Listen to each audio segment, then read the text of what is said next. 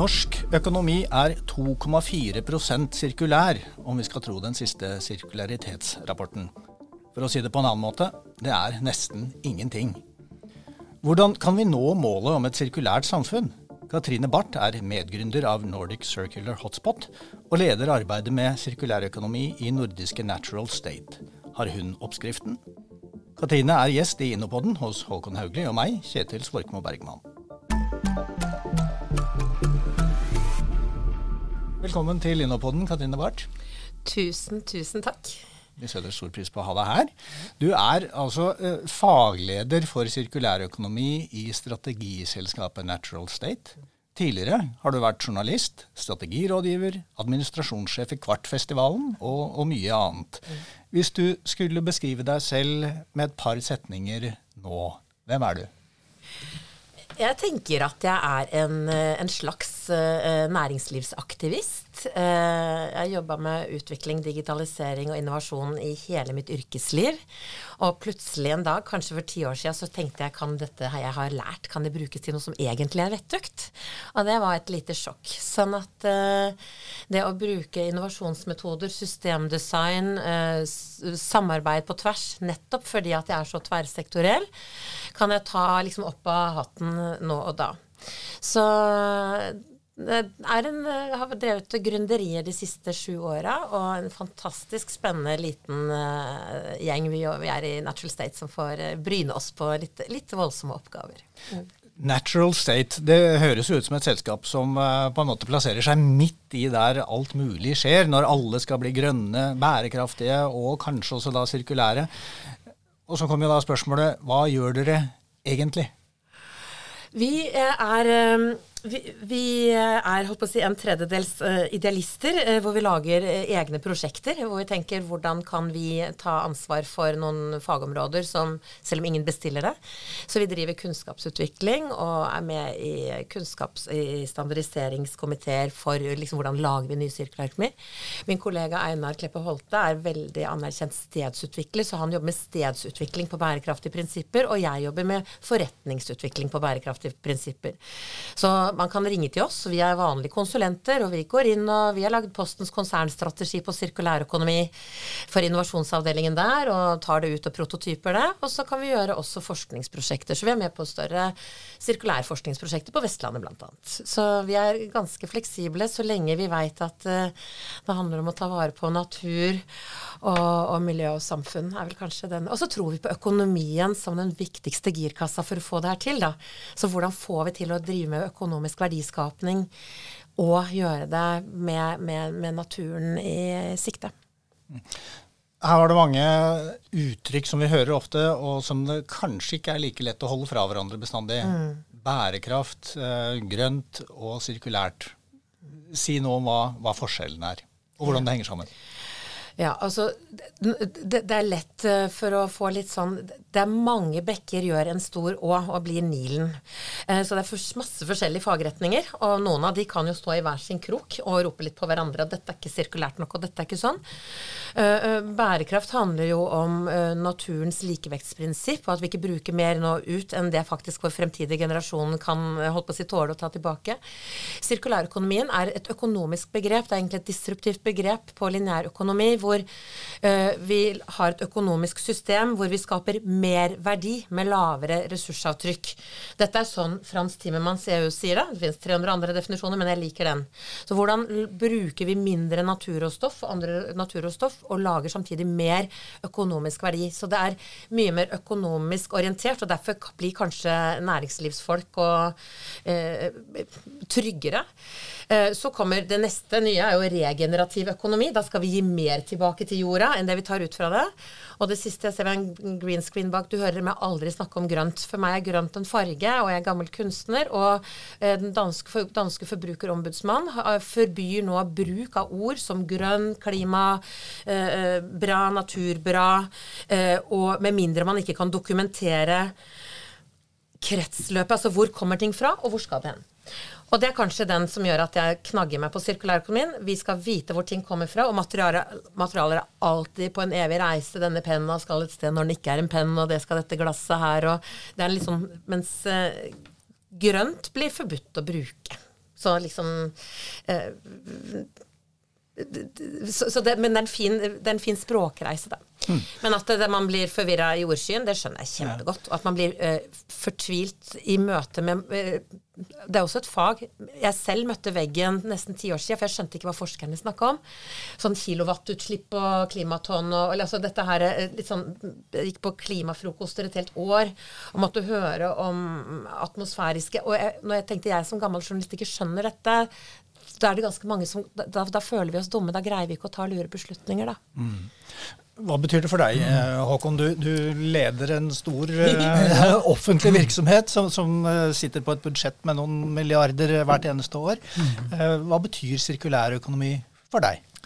Uh, jeg vil først si at Dette er et sånt tema jeg er veldig glad for at vi har deg her i studio. Katrine. Dette er utrolig viktig. og Den definisjonen som Timmermans gir, og som du refererer til, det er jo utrolig interessant. Altså for I hele menneskehetens historie, altså i hvert fall de siste 250-300 årene, så har økonomisk vekst vært knyttet til at vi har tatt mer av ressurser ut av eh, naturen. Og nå står vi ved det brekkpunktet hvor vi er nødt til å eh, snu dette, eller frakoble de to tingene. Og det er jo min forståelse av det sirkulære. handler om at vi skal eh, at materialer skal være på den reisen da Katrine beskriver, og finne veien tilbake inn i annen kan vi si, si, verdiskapende uh, andre verdiskapende prosesser etterpå. Dvs. Si at de, de, lever et liv uh, som er lengre. Og bare for å illustrere hva betyr det i praksis, ja, det er stor forskjell på resirkulerbart aluminium og en stållegering som lever en engangs, engangsliv. Men materialene kan brukes til samme formål. Dvs. Si da, for oss i Innovasjon Norge så uh, jobber jo vi Eh, med sirkulære løsninger gjennom vår finansieringsvirksomhet i all hovedsak. Vi gir lån og tilskudd til innovasjonsprosjekter i næringslivet. Veldig mange av dem har, om ikke eh, sirkularitet som hovedformål, deler av dem er sirkulære. Og det blir mer av det. Og det gjør meg optimistisk, da, fordi det, vi ser at det, det er en kraftig bevegelse i retning mer sirkulære løsninger. Eh, alt fra at klær og tekstiler eh, tas i bruk eh, på nytt, til at store industrielle prosjekter, både energien og råmaterialene, kommer tilbake igjen og går inn i nye produksjonsprosesser. Så vi gjør mye på dette, selv om ikke vi bruker begrepet sirkulærøkonomi verken internt eller eksternt i særlig stor grad, så er vi med på den, eller næringslivet driver den reisen fremover, og vi er med på den.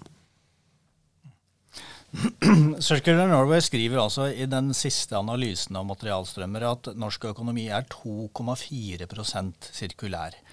Og Det betyr da at 2,4% av ressursene vi bruker, de går tilbake i kretsløpet. Mm. Det er ikke rare greiene. Vi skal ikke gå inn i detaljene på hvordan de, de kommer fram til det tallet, men eh, de sier også at eh, med de rette virkemidlene så kan vi øke sirkulariteten til 46% så kommer jo da spørsmålet til deg, Katrine. Eh, det enkle spørsmålet som kanskje har et eh, litt komplisert svar. Hvordan kommer vi fra 2,4% til det vi kan kalle et sirkulært samfunn? Ja, øh, Denne rapporten er veldig fin. Det er liksom en av de første øh, alfabetene hvor vi kan snakke om sirkulær identitet på tvers av sektorer og siloer. Så uh, bare det å komme seg inn i et internasjonalt språk Norge var jo et av de andre eller tredje landene som målte sin nasjonaløkonomi. Det lagde litt furore i avfallsbransjen, for der var vi vant til å telle hvor mye sorterer vi grønne og blå poser. Men denne snakker om det økonomiske systemet. Du var med på å få i gang denne rapporteringen? Ja, ja jeg har brukt ja. lang tid på å spleise på denne. Og ja, jeg tråkka ned dørene her for å få Innovasjon Norge. Dere var ikke med. Nei. Neste gang blir dere med. Uh, fordi at her trenger vi massiv innovasjon. Det eneste som er sikkert, at gjør vi mer av det gamle gamle, så kommer vi aldri til å få til en omlegging. Og når vi får på plass disse, denne type tall, så er det også en, den måler hva tar vi inn i økonomien. Vi importerer veldig mye. Så hva får vi til å lage verdier mens det er i system? I Norge er det absolutt ingenting, for vi kaster absolutt alt. Brenner, dumper det og eksporterer det, så noen kan uh, bruke plasten vår i Tyskland eller noe sånt. Så vi har veldig svake reprosesseringsanlegg her. Jeg vet du snakker om Hemnesberget og møbler og stoler, men vi har altfor lite av dette. Og så er det hva vi eksporterer. Uh, og så, da, så Det første erkjennelsen er jo at hvilke bransjer er, driver ressursbruk. Det er det samme enten du er i Nigeria eller Narvik. Det er bolig, det er mobilitet, det er mat, og så er det litt kommunikasjon. Så det er ikke noe rocket science. Så nå kan vi sammenligne på tvers av land. Og så oppdager vi jo at uh, vi kan ikke fikse byggbransjens sirkularitetsproblem i Norge før vi importerer nesten alle råmaterialene, nesten alle modulene og nesten alle arbeiderne også. Mm. Så hvem vi må se på, skal vi gjøre noe med norsk sirkularitet, så må vi gå oppstrøms. Altså hvor henter vi varene og tjenestene våre fra? Så vi planlegger med at hvordan planlegger vi morgendagens bygg i Norge der hvor de lager det og vi importerer det fra. Og så må vi se på eksporten vår. Så har vi kontroll på tekstileksporten vår? Har vi skikk på hva som er avfall? Vi har bundet opp avfallet vårt i langsiktige forbrenningsavtaler i Sverige. Så vårt avfall, som vi kan lage masse nye, fine ting med, brennes opp for å varme opp svenske hjem. Det er litt sånn mekanikk å skjønne Vi skal opp i 46% men så Derfor så dro vi til Polen og ble bedt av UD om å få lage den polske sirkularitetsrapporten. Og da er det jo interessant. Polen kommer opp med 10,5 Fire, altså, hva kan vi lære av Polen? De var sånn Å, nå skal vi lære av Norge, for dere er så grønne og miljøvennlige og sånn. Og det blir sånn, nei, nei, nei. Her har Polen en helt annet håndverkerskikk. Mye produksjonskultur, industrikultur. Og så var målet å se på hvordan kan vi lage bilaterale samarbeid. Så det er kanskje én måte. Hvordan kan vi følge byggverdikjeden fra Polen til Norge? Hvordan kan vi følge mateksporten, fiskeeksporten vår fra Norge til Polen og Europa? og få mer ressursproduktivitet ut av fiskeeksporten f.eks. Så det er å gå inn i eksisterende verdikjeder og forstå hvilken enorm mengde industriell søppel Altså hvor mye høne må vi brenne for å lage egg? Jeg tuller ikke. Det er en del av eh, norsk søppel. Og se på søpla vår litt sånn Klondyke som en skattkiste. Og så kommer innovasjonsmulighetene, for de ligger rett foran eh, knærne våre. Eh, fordi at innovasjonen er lokal. Mm må, regionene er seierherrer og seierkvinner i det her. Vi transporterer så sinnssykt mye ut av landet, men hvis vi slutter transporten og ser på Vi har mulighetene så veldig tett på.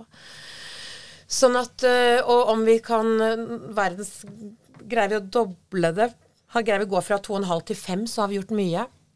Men vi må erkjenne at norsk økonomi sitter ekstremt fast i en energidopa Uh, nå, nå, er jeg litt Det er litt capslock, ja. Ja, mm. ja altså, uh, vi er veldig energiavhengige. Vi elsker det, men Vi har glemt hvor ressursbaserte vi er, da. Så jeg syns vi er, uh, har en Vi ser feil vei, men vi har masse fantastiske muligheter.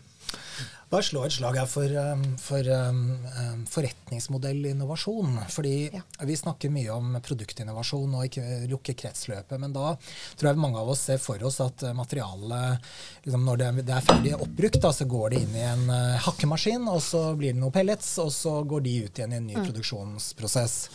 Men det er også andre modeller da, som er sirkulære, andre forretningsmodeller som er viktige å ha med her. og Det er bl.a. gjenbruk. Altså Når et eh, kontorlokale i dag tømmes, så er det veldig vanlig å sende alle kontormøblene rett på dynga og kjøpe nye. Det å bruke de møblene i en annen setting, det er, det er en gjenbruksløsning som har lav terskel, men så reduserer utslippet av absolutt alt. Deling er en annen modell. Flere bruker samme ressurs. Type igjen, da, ta et kontorlokale. At ikke to bedrifter deler deler det. De jobber kanskje på ulike tidspunkt på døgnet, eller at man har en annen aktivitet på ettermiddagen enn man har på dagtid. Det er, kan være et eksempel på det. Eller man kan tenke leieløsninger, altså kobolt, da, som er et veldig verdifullt um, mineral som er i alle mobiltelefoner. Det uh, går jo på dynga, av all kobolten, når vi har brukt opp mobiltelefonene. Er det mulig å se for seg at man leier kobolten, og den leveres inn igjen ved når man har sluttet å bruke det. Eh, og Det er bare et mikroeksempel på noe som man kan se for seg mer av. Så for norsk næringsliv så én ting er produktinnovasjon, og tenke helhetlig design, livsløpsdesign fra starten av. Eh, men det handler også om å være kreativ på forretningsmodeller? Er det andre måter å løse de kundebehovene som man i dag løser med å, på, på, en bestemt måte? Så bare snakker Jeg masse her, men jeg bare sier jeg var og besøkte en utrolig kul bedrift i Nærøysund, nylig Rørvik. og De heter Ocean Ice, og de har satt seg som mål å resirkulere plast fra havet. altså Det er Ocean og uh, Sanitize, tror jeg, som er de ordene. Ocean Ice. Og det de gjør, de samler inn plastikk, altså enorme mengder plast, og så uh, har de lært seg masse gjennom forskninga på hvilke hvilke typer plast det er som finnes, og hvor den kan reanvendes. Og det er bare så utrolig gøy, det var så gøy å være der og se de maskinene som, som gjør den jobben, og gjør meg veldig altså Selvfølgelig et, et, en liten bedrift og bare ett eksempel, men, men, det er i ferd med å skje noe veldig grunnleggende. Og jeg tenker at vi må dit at bedriftene de ser at det å bruke gjenvunnet plast, da, for å ta plasteksempelet, eller gjenvunnet materiale, er likeverdig, og da må det være likeverdig. Da må det, man underbygge at ja, men dette blir det samme kvaliteten på det. Det er godt nok, liksom. For jeg tror det sitter fortsatt fastlåste oppfatninger hos mange av oss på at gjenbrukt det er litt dårligere. Og det bør det ikke være. Jenny Skavlan snakker jo om det. Ja. Eh, hun er bare superfan. Hun, hun har jo, hva de har eh, Fabrik har liksom over 100 000 følgere på Instagram. Eh, men hun har liksom gått fra å være popstjerne, TV-stjerne, til ja. å liksom bare Og så sier hun det lukter jo litt vondt når du går ut på Uff og skal liksom bla i de liksom gamle blazerne og sy om. Altså, du må ta på deg litt annen, ja, andre briller og se på litt andre ting, og så liksom plutselig så kommer du deg gjennom døra. Men, men, men, men det treffer jo ikke bare oss som eh, når jeg skal kjøpe en brukt bukse eller en ny, og ta det valget, men det er jo dette på industrielt og næringslivssammenheng. Eh, ja, men hvor dyrt er det når vi skal ha gjenbruksplast istedenfor å kjøpe liksom hva slags plast du vil fra Kina? Arve Ulriksen men vi lærte meg jo det for mange år siden. altså Hvis Narvikbrua var bestilt på kortreist, altså hvis du skulle ha karbonavtrykket på stål, så hadde de jo kjøpt stål fra Mo.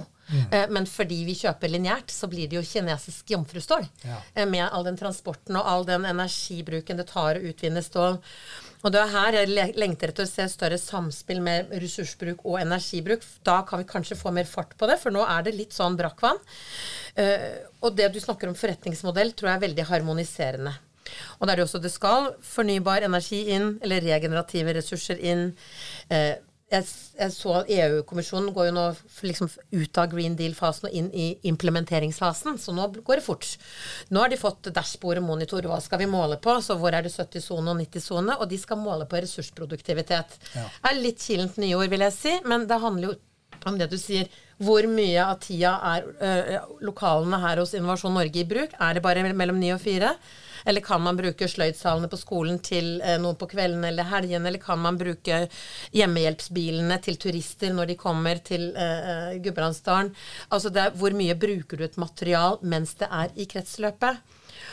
Og dette er jo, som du sier, dette er jo en økonomi man ikke har Dette, dette har vi avlært i hundrevis av år. Mm. Så det blir jo litt kjelkete når vi går i gang.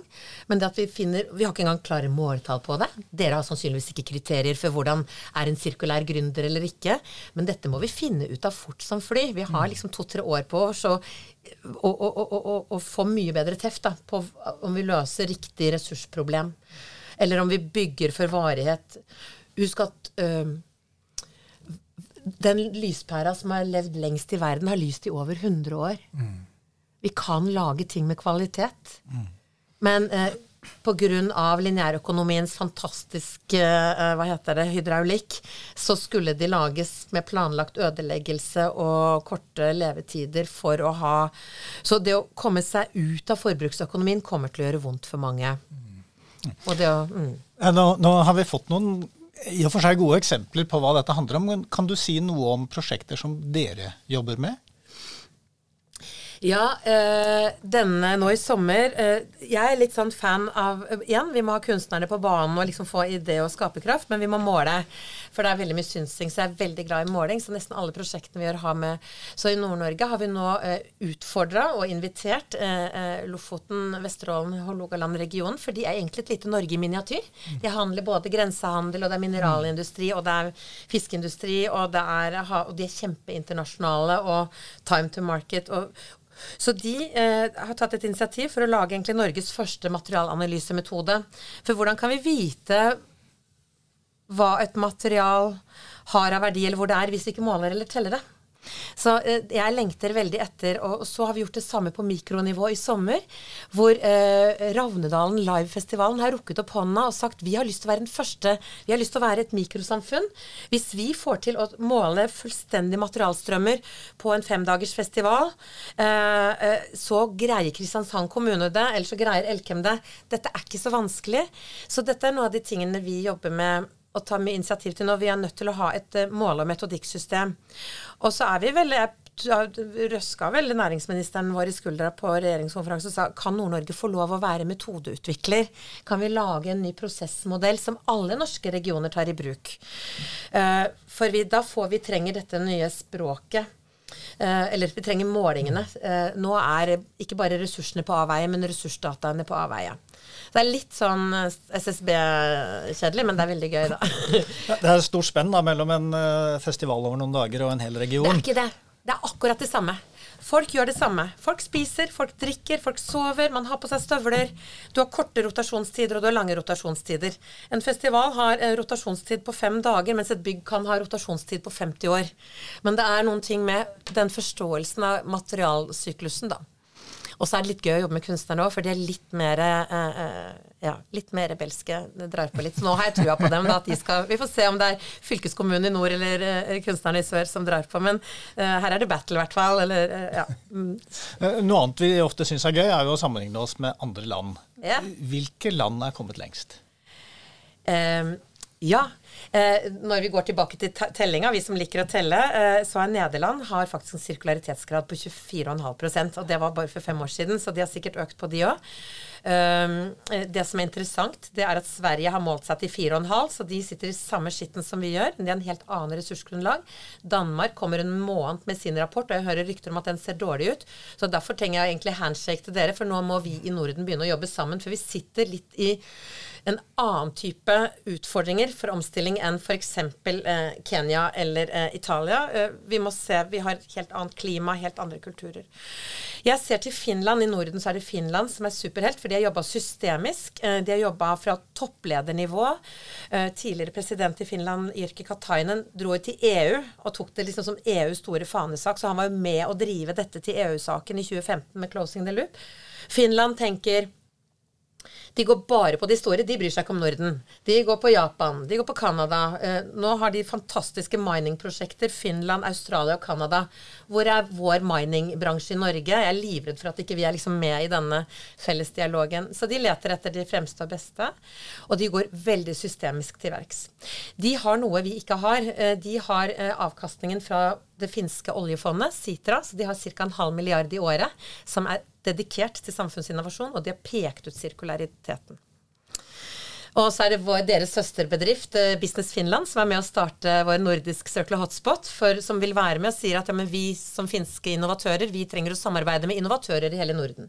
For lager du en kul matapp, kastapp i Finland, hvor, hvis du tenker det nordiske markedet, så er vi 27 millioner mennesker. Så for de som har lyst til å få en, en innovasjon ut av dødens dal og få et marked, så har vi lyst til å si at nordiske markedet må klargjøres til å ønske det. Den siste som stedet som jeg syns er veldig spennende å lære fra, det fins en hel fantastisk gjeng på Island. De bryr seg jo ikke om Norden i det hele tatt. Jeg har fått på å ta med noen sånn sportsdrikker som de lager av sånn fiskekollagen og selger i Seattle, og det ser superhipster ut. Og så lager de bruker De har fått en hva heter det, ressursproduktivitet på hvitfisk på over 90% Vi har kanskje litt på 40 De vil selge fiskefileten, så brenner, lager vi biogass av resten. Nå tuller jeg litt. Det er noen som er blitt flinke. Men han lager, de har lagd, fått en patent på medisinsk plaster som denne torskeskinnet lag, kan hile brannsår på en, et nivå som ingen andre i den kjemiske, biologiske biofarma kan. Og du kan jo tenke deg børsverdien på dette, uh, dette medisinsk firma. Det er bare helt sånn fantastisk uh, verdiskapning. De lager skjønnhetsprodukter, og, og de er artige på branding. Oh, oh my cod ja, skal, vi dele? skal du ha en krem skal du få en liten gavepakke med Oh My God skjønnhets uh, antrykkekrem, Håkon. Jeg tror at det er sånne produkter på vei i Norge også. Virkelig. Mm. Og, og, god ressursutnyttelse. Åpenbart, da.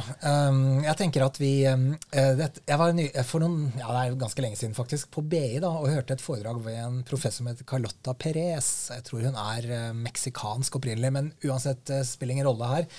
Hun snakker om det gode liv, da og hvordan vi må gjøre dette med sirkularitet og det digitale til en del av det gode liv. For det er jo ingen av oss som egentlig vil ødelegge planeten. I hvert fall er det min påstand at de aller fleste av oss har de beste intensjoner, men vi vet ikke helt hvordan.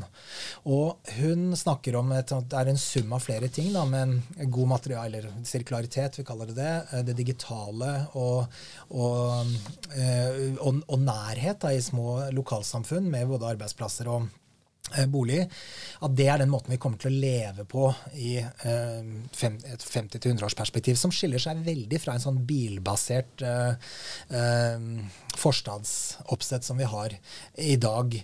Og jeg, ble, var, jeg fikk litt sånn aha-opplevelse av det foredraget, da, fordi hun peker på noe som er veldig riktig. altså Dette må drives fram av altså den, det grønne skiftet egentlig stort. Da. Nå skjønner jeg grønt ikke er et ord vi skal bruke, da, men, men eh, transformasjonen.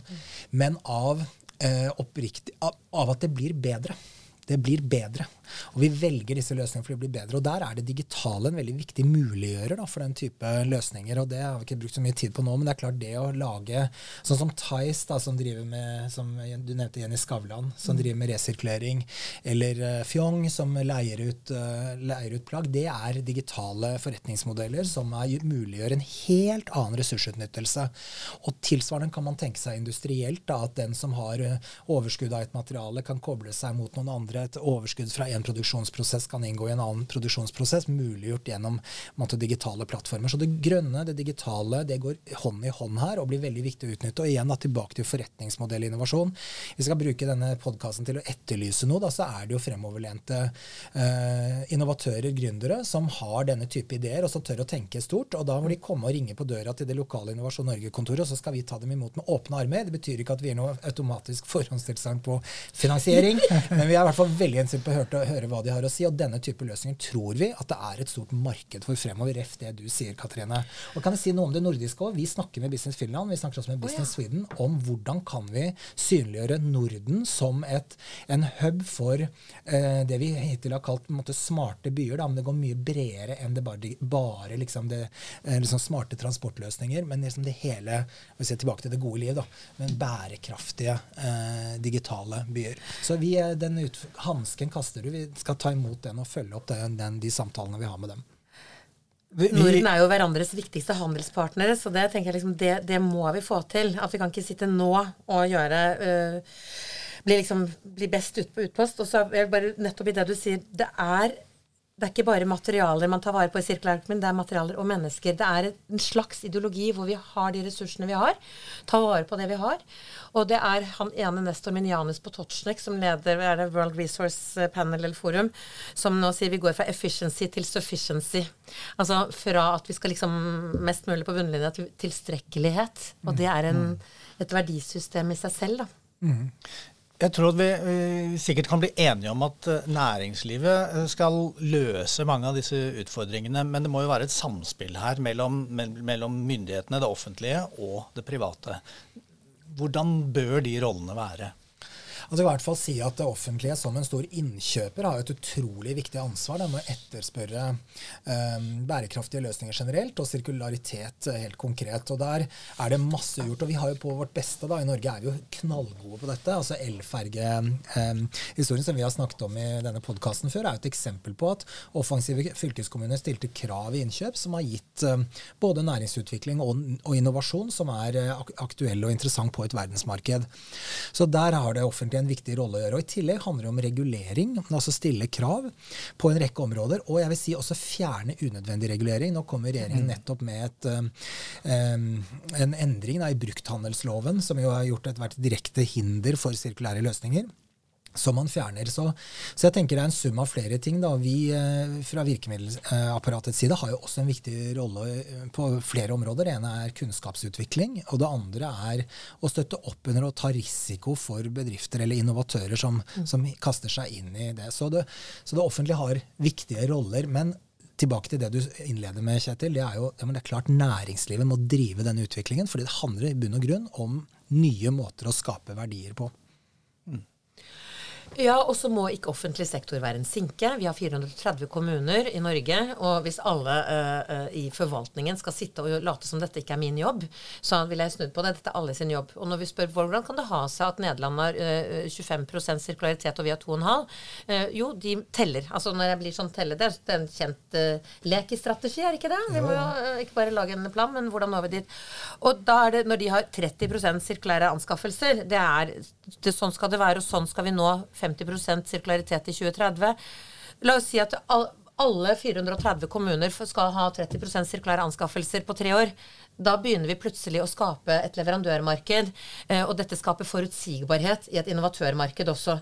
Ja, nå er det litt pilot her og litt der, og en stakkars uh, gründer dør jo mens han skriver søknaden. Uh, og, og, kommunen har ikke skjønt at det er sitt ansvar, for dette er jo ikke innkjøp sånn som vi kjenner det. Så vi kan ikke, alle må ikke kravle over den læringskurven. Og så tenker jeg den reguleringa Man kan si det er markedets ansvar, men dette er litt mer enn en litt sånn Hvis vi syns det ble var mye kav med digitalisering, så tror jeg det er bare litt av det som kommer til å komme av uro uh, i disse endringene, når vi skal endre industrielle sløyfer og leverandørkjeder, og du skal 3D-printe bildeler i Hokksund istedenfor å hente det fra Paris altså, Det er så mange dynamikker i endring. Det er ikke engang sikkert vi skal hente de fornybare materialene fra havbunnen. Det kan, tenk det. Uh, uh, sånn at det, det, det, blir litt uro før det blir bra. Uh, men jeg tenker at det er litt som noe skal vi skru av. Mm. Når skrur vi av lineærøkonomien? Kan vi skjønne hva den handler om? Jeg likte spørsmålet litt. Hvordan når vi 46? Jeg har ikke noe svar. Jeg kan jo lære av deg, og du kan jo sikkert noe, men vi må bestemme oss for at vi skal dit. Vi har ikke begynt med det engang. Vi har ikke sagt et tall. Vi har ikke sagt at Norge skal være uh, Altså, vi kan jo bare begynne et sted, men vi har ikke gjort det. Vi har sagt én ting, og der uh, har denne regjeringen kjempeanledning til å bygge videre på den nasjonale strategien som vi brukte mange år på å tyte om.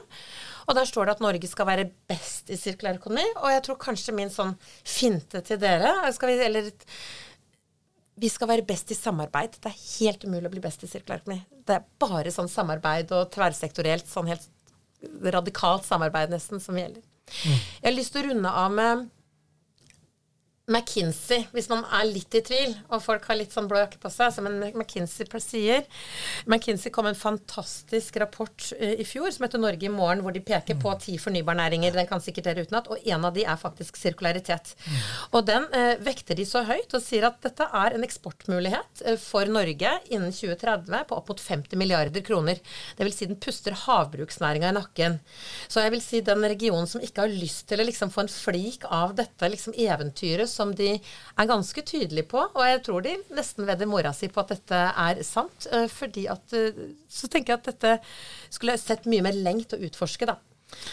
Ja, jeg veier det som på, på det mer positive her, vil jeg si. Da. Jeg er helt enig i det med samarbeid. Jeg, vi ser så mye bra aktivitet nå. Ja, vi ligger langt etter. Norge er en, vi er en søppelprodusent av dimensjoner. Eh, vi bruker mer enn vår befolkning skulle tilsi, og vel så det. Samtidig, i alle eh, regioner i Norge så skjer det fantastisk spennende arbeid på akkurat dette nå. Jeg vil si Alle disse fylkeskommunale næringsstrategiene de tar nå høyde for at vi skal til det sirkulære. Mm. Eh, store industribedrifter jobber med det vi kan kalle industrielle symbioser, hvor avfallsstoffet fra én produksjonsprosess er en ressurs for andre. Man bygger den type partnerskap, altså samarbeidet, da, veldig lokalt, fysisk avgrenset. Og tusenvis av eksempler på bedrifter som tar imot, eh, tar imot eller utvikler og eh, implementerer sirkulære løsninger. Det er et veldig langt lerret å bleke, men jeg føler vi er liksom tidlig i den stigen. Da, og det er bare én vei å gå. Det er å klatre videre opp i den. og Vi skal i hvert fall gjøre vårt da, fra Innovasjon Norges eh, side. Så igjen, altså, ta kontakt, dere som måtte høre dette og har sirkulære ambisjoner. Og, eh, og det er jo, tenker jeg, helt implisitt at vi må dit. Altså nå var, det, nå var, det, vel i sommer en gang, så kommer vel til Earth Day. Er det vel er det WWF som har det mm. konseptet? Dvs. Si at vi har brukt opp jordas ressurser sånn ca. i juli. da. Og for Norges vedkommende, vi bruker jo da vår andel sånn ca. mars, vil jeg tro. Vi, det kan jo bare ikke fortsette. Så uavhengig av hva man måtte erklære av politiske ambisjoner, er det ikke noe tvil om at vi må til en sirkulær økonomi. Og da har vi ingen tid å miste. Jeg tror at vi er nødt til å avslutte denne Innopoden med usedvanlig mange utfordringer og punkter vi er nødt til å både gripe fatt i og tenke mer på.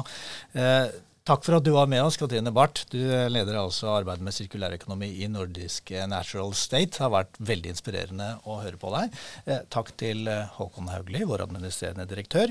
Og eh, jeg kan forsikre om at denne utgaven av Innopodden ble laget bare med, med si, sirkulære materialer, med unntak av litt vann og kaffe.